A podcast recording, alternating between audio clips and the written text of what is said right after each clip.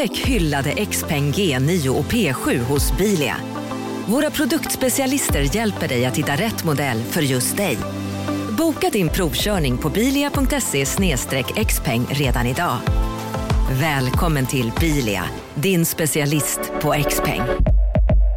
CSRD, ännu en förkortning som väcker känslor hos företagare. Men lugn, våra rådgivare här på PWC har koll på det som din verksamhet berörs av. Från hållbarhetslösningar och nya regelverk till affärsutveckling och ansvarsfulla AI-strategier. Välkommen till PWC. Ja? Hallå? Pizzeria Grandiosa? Ä Jag vill ha en Grandiosa capriciosa och en pepperoni. Något mer? Mm, kaffefilter. Ja, Okej, okay. ses samma. Grandiosa, hela Sveriges hempizza. Den med mycket på.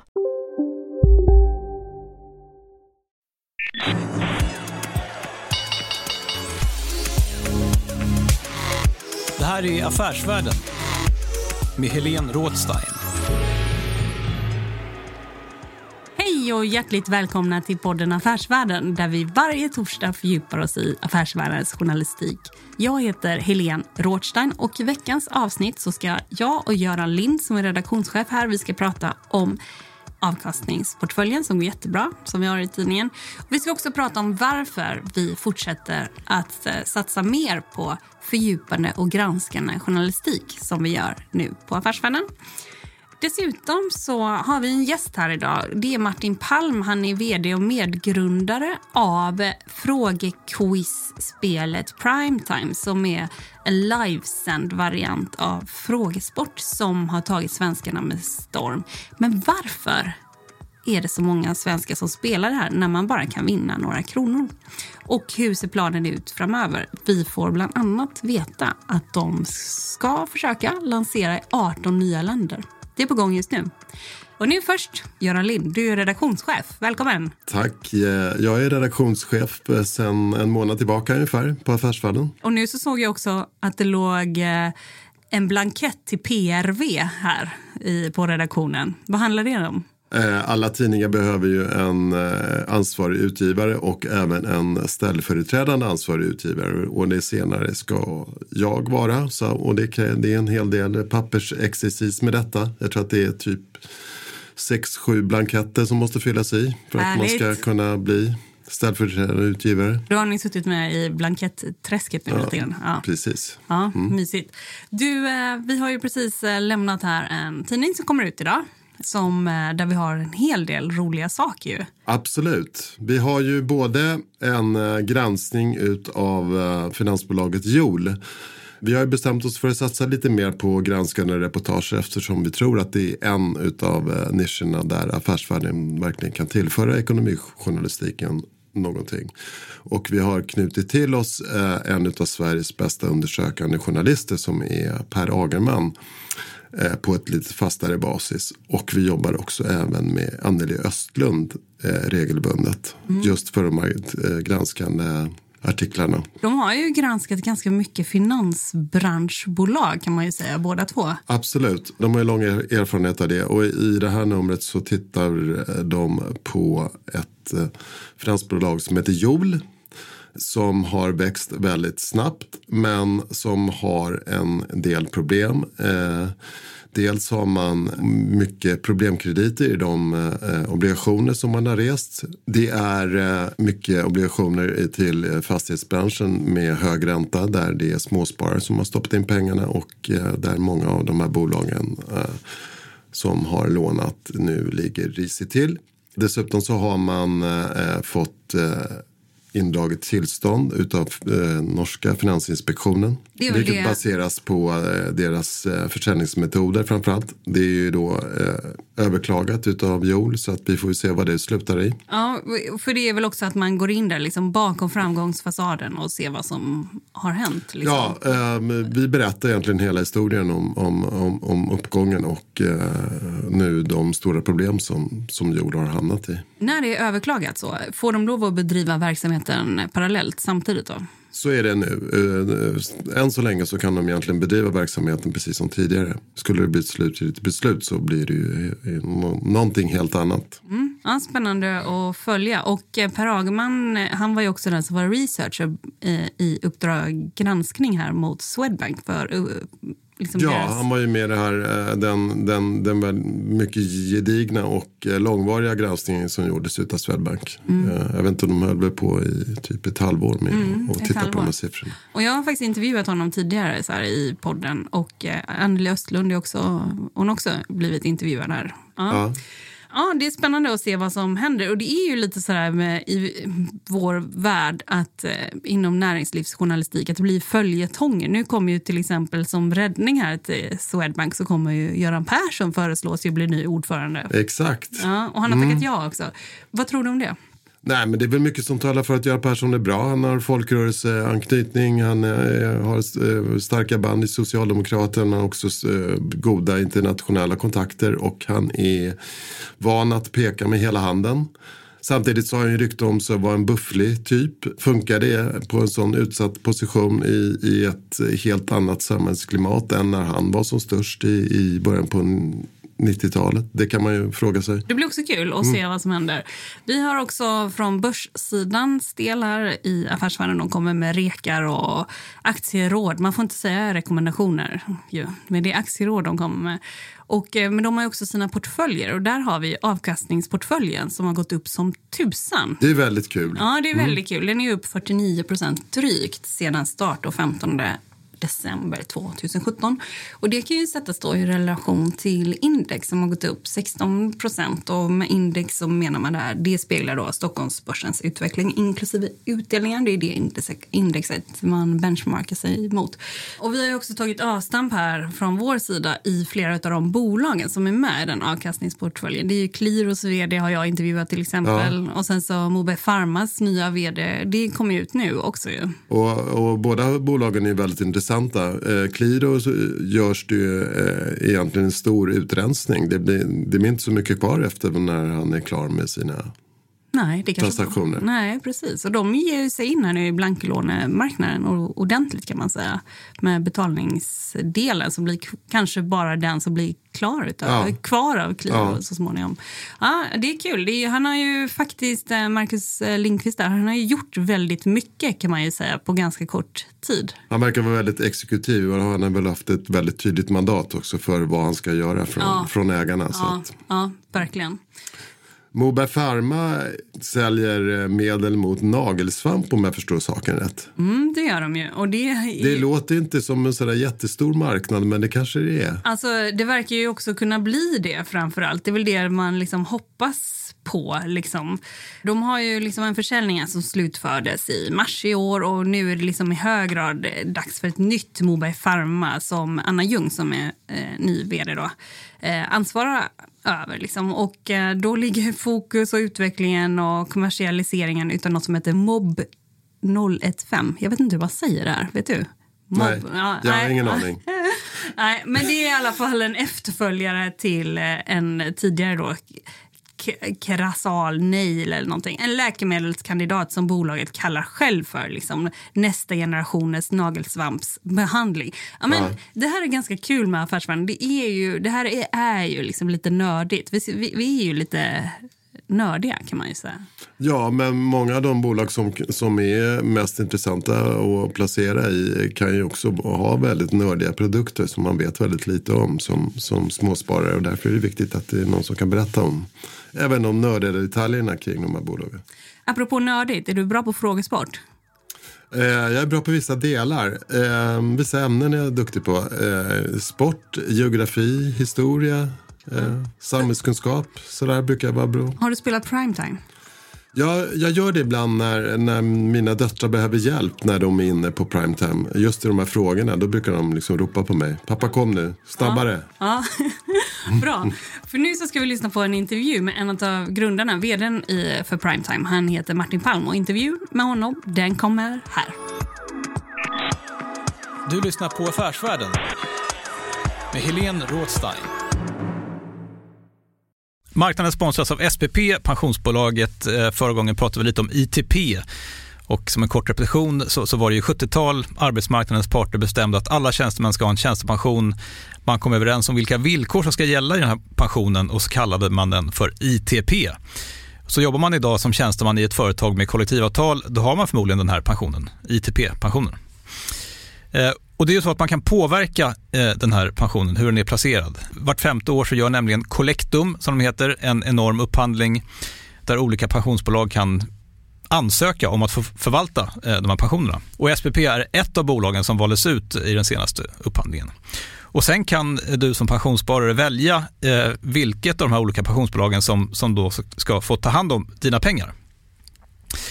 Och tanken med den här upphandlingen det är ju att liksom kvalitetssäkra de här olika alternativen eh, men också att förhandla fram stora rabatter så att pensionsspararna ska få ja, kunna spara pengar genom att avgifterna eh, som är så viktiga eh, blir eh, lägre.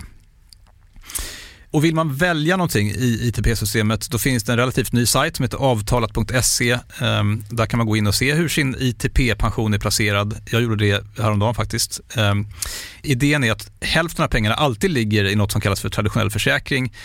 Det här gjorde vi ett avsnitt om i podden Kapitalet nyligen eh, som vi kallade världens bästa sparform. kan man lyssna på om man är intresserad.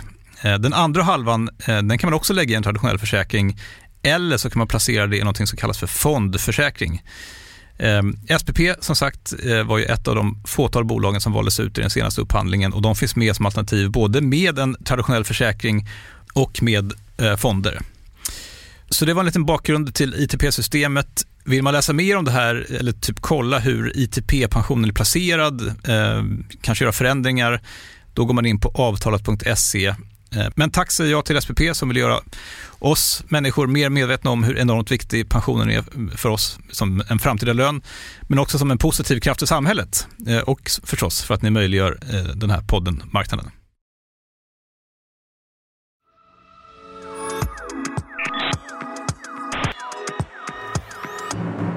Martin Palm, välkommen hit. Tack snälla.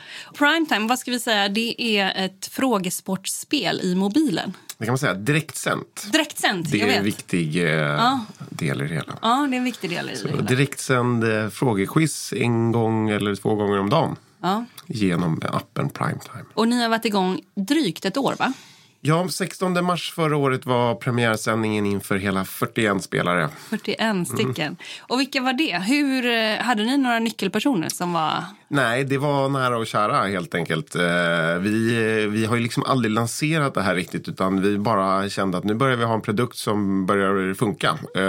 Och då kör vi. Och sen så vi som var med och jobbade berättade vi för våra kompisar helt enkelt.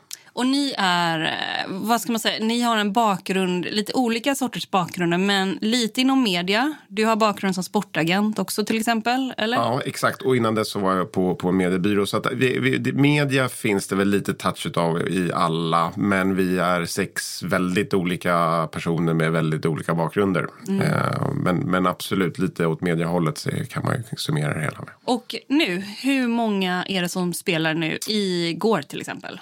Igår, eh, söndag som det var igår, eh, så var det, var det 65 000 kanske? Ja, något sånt. Minns, något sånt. Jag spelar faktiskt också. Ja, det gjorde det. Ja, Kul. jag, ja. Hur gick det? Jag åkte ut typ fråga sju eller något sånt där. Eh, det var en om Roms, eh, vad heter eh, Den åkte jag ut på. Ja, termer, vad det betyder för någonting tror jag. Och med bad och hej och. Ja, var i spa i, eh, det. eh, liksom spa i det antika rum. Och jag visste att det inte var eh, viadukter. Det, det hade jag koll på. Och sen var det tredje atrier, ja. Ja. Hade du klarat det personligen? Hörde, på tio sekunder så ska jag inte säga här att jag hade klarat det. Eh, men jag hade nog kanske med uteslutningsmetoden sagt här. Men. Ja, för det går ju väldigt snabbt. Det är Ja. tio sekunder har man på sig på varje Ja. fråga. Ja. Totalt sett, hur många är det som har spelat? Ja, vi har 1,1 miljoner nedladdningar. Eh, så i Sverige så är det 1,1 miljoner människor då, ish. Är du nöjd med det? Ja, det är fantastiskt tycker vi. Eh, vi har inte lagt en enda krona på marknadsföring eh, fram tills för några veckor sedan. Men ehm, så det är för, för, för jag måste säga att det är en... Eh, jag kan inte minnas någonting som har spridits så viralt så snabbt. Eh, och då måste man ju vara jätteglad. Och vad är grejen? Det är ju miljonfrågan och jag tror att det finns massa förklaringar och eh, det härliga är att liksom alla, det finns massa trender eller massa beteenden i det här som sammanfaller och som alla i sig är väldigt starka. Eh, en stor sak är ju att vi eh, saknar saker som händer live, eh, alltså som vi gör tillsammans. Eh, Instagram och sociala medier och webb-tv och Netflix och allt vad det är möjliggör ju att du tittar på exakt när du vill någonting. Mm. Och det är liksom eh, ett beteende som jag egentligen inte tror att vi som människor riktigt uppskattat. Redan på liksom, antiken så gick vi och kollade på gladiatorer för att vi ville liksom uppleva ett event tillsammans med andra. Vi är ju flockdjur. Mm. Och man tänker om man tänker linjära tvn då, som eh, ju fortfarande finns och sådär. Och då finns det ju vissa tidpunkter ändå. Det är väl Rapport halv åtta, det är Ja. Aktuellt klockan nio. Men framförallt är det väl stora sportevenemang som fortfarande är väldigt noga med tiden kan man väl säga, eller? Absolut. Liksom den stora frågan som jag har till dig är ju egentligen vad tror du att, eh, vart är vi på väg så att säga med framtidens eh, interaktiva tv-tittande? Alltså om du ska få spå framåt här, vad, Ja. vad kommer hända? Vart är vi på väg? Ja, eh, någonstans så, så tror ju jag att eh, jag menar, det är givetvis att Netflix och webbaserade liksom, den typen av tv är, är, är här för att stanna såklart. Och jag tror att de stora traditionella tv-husen som TV4 och liknande får det svårt. För en av deras sista utposter är ju det vi håller på med, nämligen den här typen av stora shower som är livesända och, och eh, tv-sport som de har jobbat med. Liksom, alltså stora tv-rättigheter Det blir också allt svårare för dem att konkurrera om. Jag är helt övertygad om att Facebook och allt vad det kan vara kommer vara att konkurrera om, om att köpa de rättigheterna vilket gör att de kanske tappar den delen också. Så de får det ju svårare. Eh, samtidigt som igen, jag tror att vi har behov av att uppleva saker som är live och som inte är eh, eh, en serie som kan släppas en hel säsong och någon tittar på någon och någon tittar på någon annan eh, avsnitt så att säga. Så att det här live-momentet eh, är ju otroligt eh, centralt och det är bara frågan nu hur, om det blir Netflix som börjar jobba med det eller om några andra gör det. Det, det är ju svårt att svara på.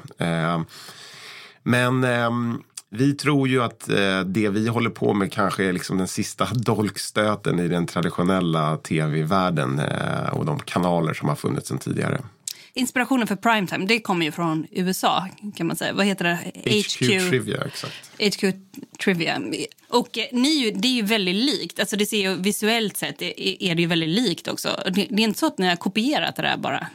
Eh, nej, det har vi inte gjort. Framförallt inte eftersom det vilar på ganska avancerad teknik. Det är inte helt enkelt att eh, skicka ut en signal som eh, alla mottagare får i 100% synk. Vilket innebär att alla har exakt 10 sekunder på sig att svara. Även om du sitter med då tre telefoner precis bredvid varandra. Så att vi har ju byggt tekniken själva. Och det är ju hur, hur ett frågekort gör eh, så att säga, rent grafiskt. Eh, ja, det är inte så där jättemycket olika varianter man kan göra om man gör det i mobiltelefonen. Så ja, det påminner om varandra. Men det vi har gjort är ju tekniken framför allt. Och sen har vi, vad vi upplever, hittat en ännu bättre tonalitet. Vi försöker ju vara väldigt eh, eh, inte så proffsiga håller på att säga. Utan vi vill ju gärna vara ganska personliga och, och snarare liksom leka med dagens medievärld där det handlar om Youtube och sociala medier där allting inte är så putsat alltid. Eh, vi brukar säga det att hade vi haft 100 miljoner så hade inte vi velat göra en idolproduktion utav primetime utan vår ambition är att det ska vara i en liten studio där man pratar med teknikerna och det var så det började för att vi inte har haft några pengar för det. Så det har liksom inte varit en utstuderad eh, strategi. Oavsett liksom hur mycket pengar ni får eller oavsett hur bra det går helt enkelt. Ja, vi vill ju liksom, en del av oss är ju att vi inte är en sändare som skickar någonting till en mottagare utan vi försöker ju göra det här tillsammans med spelarna. Vi är bara någon slags eh, eh, liksom, motor eller plattform som möjliggör att de ska få spela. Så det är inte för vår skull utan det är för deras skull och då tror vi snarare att vi ska vara inkluderande och, och, och väldigt personliga eh, i vår ton snarare än att vara superproffsiga som liksom skickar någonting till dem. Det finns ju på Instagram så finns, kan man ju följa er och då finns det en som, ett konto som heter Primetime Bloopers. Om saker och ting som har gått fel. Och Ja. eh, då är det till exempel då när Tommy Körberg var gäst. Och eh, då, då står det inlägget så står det så här. Den enda behållningen från Körbergdagen. Tommy sätter en julnöt i vrångstrupen i sin dyrbara strupe. Där fransk mat ska ner och skönsång ska upp. Och det har ni gjort då för att det blev en hel del... Nej, det är, det är inte vi. Det är inte ni? 100 procent ärligt så är inte Primetime Bloopers Ruby. Eh, Det är någon så- annan? Det är någon annan. Eh, Vad roligt. Ja. Jag tycker det var väldigt roligt skrivet. Ja, det, är- det är jättekul. Och det, för oss är det ju bara ett exempel på...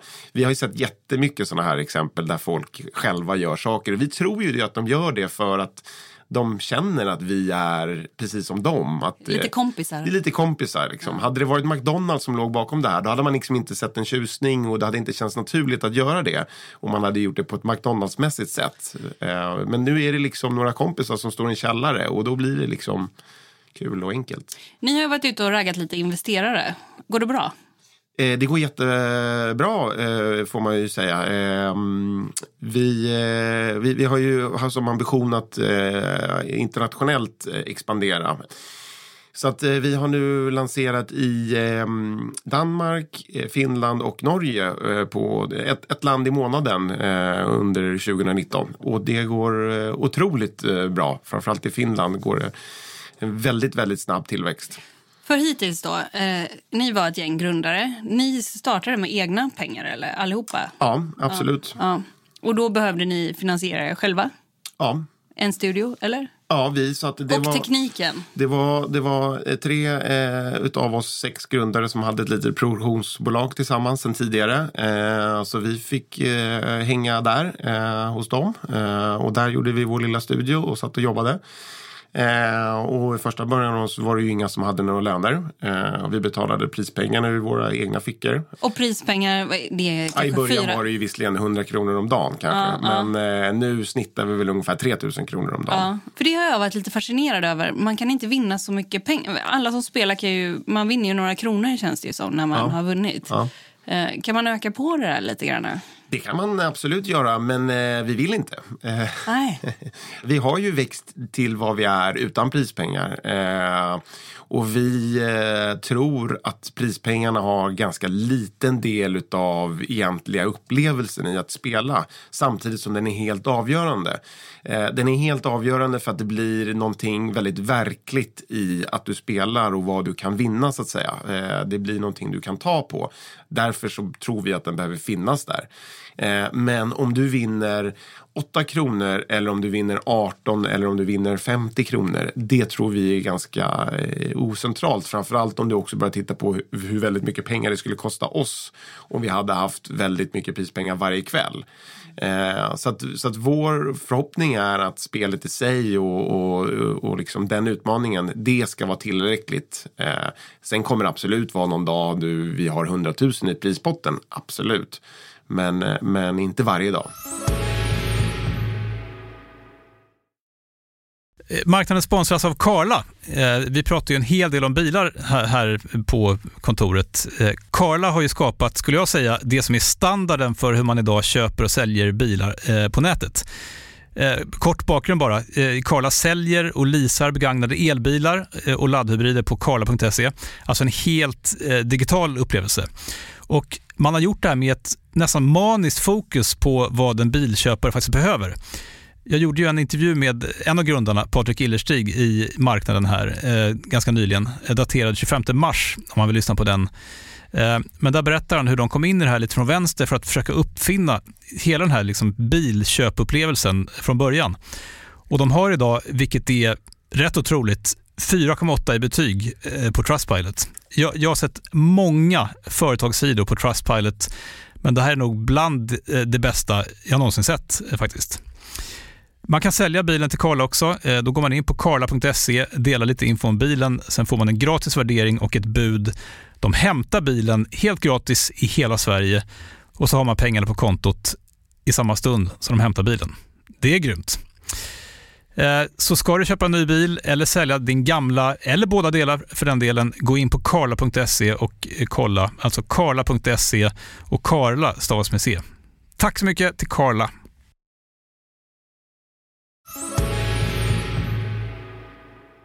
Vad är ert mål? Nu har ni gått in i Norden. Ja. För efter ett tag så ska ni få nya spelare men ni ska också få de gamla att fortsätta spela va? Det stämmer. Vi har ju två eh, tydliga utmaningar kan man säga eh, som vi försöker jobba med. Och där den kanske främsta det är att lansera i nya länder. Och vi har då lanserat i Norden som du säger och det eh, ämnar vi inte stanna med utan Planen är att eh, fortsätta expandera. Eh, vi har en liten eh, sån lekfull saying att vi ska finnas i 18 länder om 18 månader. Det är 14 kvar. 14 kvar. Men när ni går in i andra länder då alltså eh, letar ni folk eller nej? Så Ja. funkar det inte. Exakt, så när vi kliver in i ett nytt land så i teorin så skulle vi kunna sända från Stockholm eh, även om det var till Bangalore. Men vi tror mycket på att det behöver vara en lokal koppling. Vi vill ju vara, eh, tonaliteten ska ju som sagt vara väldigt personlig och varm och, och då tror vi på att det ska vara lokalt. Och därför så är vår ambition att ha ett lokalt team på plats. Eh, Så det är nästan den tuffaste utmaningen för oss att eh, hitta och rekrytera rätt personer i ett nytt land. Och sen att lösa all admin som det kräver att starta ett företag i, eh, i Indien till exempel. Eller och hitta banker och utbetalningar och admin är ju den stora utmaningen. Men hela, om hela tekniken är skalbar så, så Ja. att säga, den kan man rulla ut hur som helst. Ja. Men det här låter ju ganska omfattande, ha scouter runt i liksom Ja. 14 länder nu. Va, hur gör ni? Vi har haft lite olika vägar. Eh, som sagt var, vi har ju fått eh, mätta munnen efter eh, matsäcken eller vad man säger. Eh, så att i början eh, så har det ju varit genom våra kontakter. Så i Danmark så är det en, en person som vi har haft eh, relation till förut som har blivit vår landschef och som blir han då eh, navet som ska sätta ihop med tekniker och programledare och så den, han, den personen får en väldigt central roll.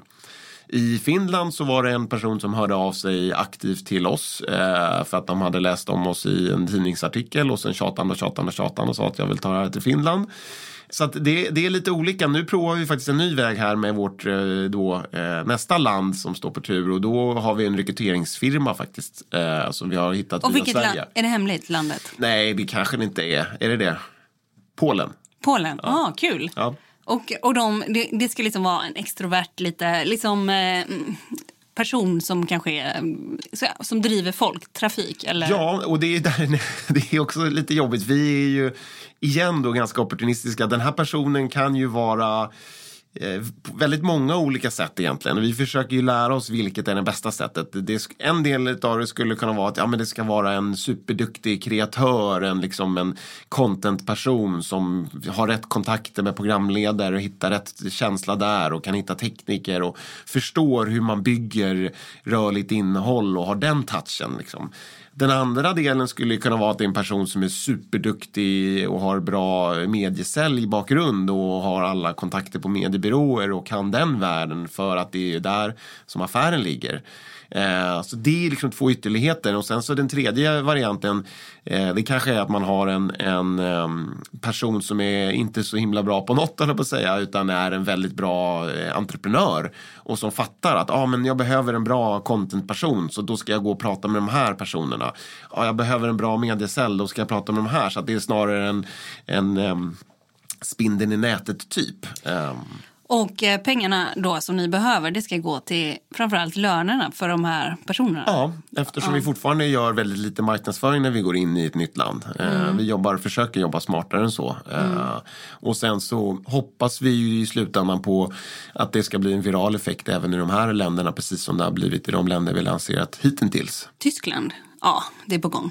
Tyskland eh, skulle kunna vara på gång. Vi har varit inne och touchat lite grann för det. Är ju ett väldigt tufft land. Liksom. Det är hård, hård, hård konkurrens. Eh, och det är också en sån här, vi vet inte riktigt väg. Ska man, antingen så ska man gå head to head i de här stora liksom Big Five-länderna. Eh, och då är ju naturligtvis uppsidan jätte, jättestor. Konkurrensen är väldigt stor å andra sidan. Och, Alltså Big Five-länderna, vi ja, snackar men, då Eng- England, Tyskland, Italien, eh, Spanien. Eh, Frankrike. Exakt. Och, och En teori vi har är ju att det är eh, lite grann det här fenomenet man vill bli. Det är det som skapar det här och det är naturligtvis lättare att bli ett fenomen i ett litet mindre land som Finland. Eh, och det eh, i sig kan hjälpa oss. Eh, så att det finns massa olika beslut som vi försöker eh, med någon slags eh, tankeverksamhet komma fram till. Eh, så det, det är den tydligaste utmaningen och den andra utmaningen är då givetvis att få folk att fortsätta att spela över tid. Vilket också är en tuff utmaning för att eh, eh, när man väl har spelat och testat det några gånger så har man liksom eh, då har man upplevt det redan och då är frågan vad är det får man att fortsätta att spela med så att säga. Och, eh, det kämpar vi med lite olika funktioner och, och olika sätt att ställa frågor och, och gäster och prispengar eller andra pengar sådär. Mm, för ni, har liksom, ni kommer med ett förnyat format. Men hur ska ni själva då liksom förnya ert koncept? Det är något som ni också tänker på nu. Ja, och det är ju tufft. Jag menar, vi för nio månader sedan så var det ingen som hade lön eh, i det här projektet. Eh, och ingen har ju jobbat med tv-tv sedan tidigare. Så det är ju en jättetuff utmaning för oss. Eh, att våga ligga kvar och hålla det som vi tror på och inte liksom förlora oss i tv-världens land, för det vill vi inte göra. Och samtidigt så måste vi fortsätta utvecklas och samtidigt så ska vi inte bara utvecklas och förändra oss för sakens skull, utan vi måste också vi tror ju att eh, primetime och det här att vi, att det sänder varje dag klockan åtta är också en del av en rutin för människor. Eh, och då vill man inte rucka för mycket på dem, eh, utan man vill ju att folk ska känna igen sig. Så att eh, det är en evig balansgång eh, i att, eh, jag menar, titta på Jeopardy, det såg ju i princip likadant ut varje dag i väldigt, väldigt många år. Men konkurrensen om människors tid var mindre också. Så är det. Så är det. Och eftersom vi bygger på ett mycket... Jeopardy hade var ju ett passivt tittande medan man lagade mat. Medan eh, primetime är ju otroligt krävande i form av engagemang. Du måste ju vara där bokstavligen tio sekunder liksom, och då kan du inte göra något annat. Eh, och det gör ju att eh, det är ännu tuffare i dagens eh, mediebrus eller vad vi ska kalla det för. Eh, att lyckas fånga dem och att få folk att engagera sig på det sättet. För just nu, det finns också en AV, ett AV-spel och sen så finns det klockan åtta, eller? Precis, så vi har några specialare. Så att, och standardtid är 20.00 varje dag. Och sen så på fredagar så har vi vad vi kallar för AV-quizet. Så det brukar vara mycket folk som sitter på sitt jobb och har fredagsfika. Eh, så klockan tre på fredagar. Och sen har vi en sportspecial på tisdagar 21.30. Och sen så slänger vi in lite sådana här specialare när det händer saker vi hade kring valet. Eller det kan vara att vi är jul, då kör man lite extra där. Eller vi hade nu påsk så hade vi två sändningar varje dag. Sådär. Då tjänar ni pengar på de som annonserar i primetime. Exakt. Punkt. Ja, än så länge så är det punkt. Och vad är tanken på eh, att ni ska tjäna pengar på framöver? Ja, vårt, vårt eh, primära är annonsering. Något annat vet vi inte. Sen Nej. eh, om vi kommer på det så, så kommer vi naturligtvis att testa det. Ring, mejla till. Ja. Men, men det, det fina är ju att, eh, att vi ser ju verkligen att det här är ett fantastiskt annonsformat också. Eh, oftast är det ju när man har en bra medieprodukt så eh, är det en bra medieprodukt och inte sen ett bra annonsformat utan det måste man trycka in det på ett vänster. Eh, det vi försöker göra är ju att vi på ett positivt sätt gör liksom budskapet som en del av upplevelsen så att det blir roligare. Är, är frågor styrda då efter sponsorskapet? Alltså, styrda låter ju som något negativt. Eh, vi kommer aldrig rucka på frågorna eh, för en sponsors skull. Eh, så att frågorna är ju det viktigaste som vi har, så det, kan, det måste, måste vara bra, relevanta frågor. Men om Kry går in som sponsor? Då kan det ju handla om eh, medicin eller då sjukdomar eller så att säga hälsa. Eh, så att frågorna kan ju ha en twist om det. Jobbar vi med en bank, ja då kan det handla om ekonomi. Eh, och det är fortfarande allmänbildning i högsta grad. Vi kommer inte fråga vad heter Sveriges bästa bank. Eh, Va, eh, vad heter det? Jättesvår fråga. Väldigt svår fråga i och för sig. Eh, men, men, men så på det sättet så, så blir det väldigt naturligt. Liksom. Du lyssnar på Affärsvärlden med Helene Rådstein. Målet i Sverige, hur många ska spela? Ja, men målet i Sverige är ju att fortsätta att få nedladdningar. Som sagt, vi har en miljon nedladdningar och det betyder ju att det är då nio miljoner som inte har laddat ner det. Sen kommer kanske inte alla nio miljoner eh, kunna eller vara i målgruppen för det.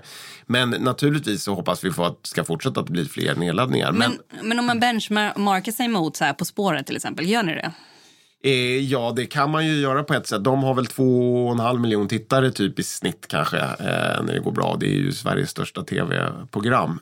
Vi ben, jag skulle snarare benchmarka oss mot Vem vet mest som har gått på tv i massa år. Eh, och de tror jag hade så här 300 000 tittare om dagen. Eh, men igen, det är ju ett passivt tittande. Det ställer ju otroligt mycket lägre krav på en tittare än vad primetime gör. Eh, vi kräver ju väldigt mycket eh, utav en tittare.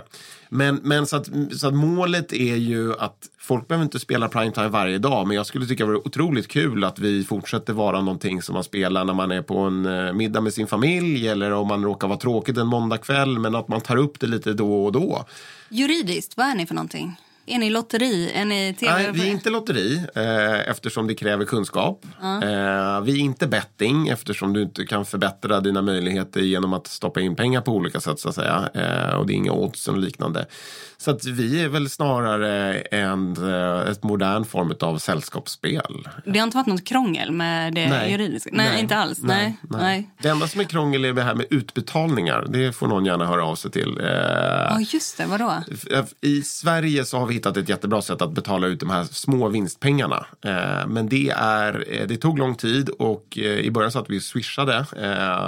Och för varje land som vi lanserar nu så är det... Och så lite- många som skulle swisha. Eller hur många är det som delar ja, på men det är vinsten? ju, var ju galet mycket. Alltså. Det var ju så här, vi- hade vi 500 vinnare en dag då fick ju någon som har gjort frågorna själv. För då visste vi att shit, nu ska vi swisha till 500 pers här.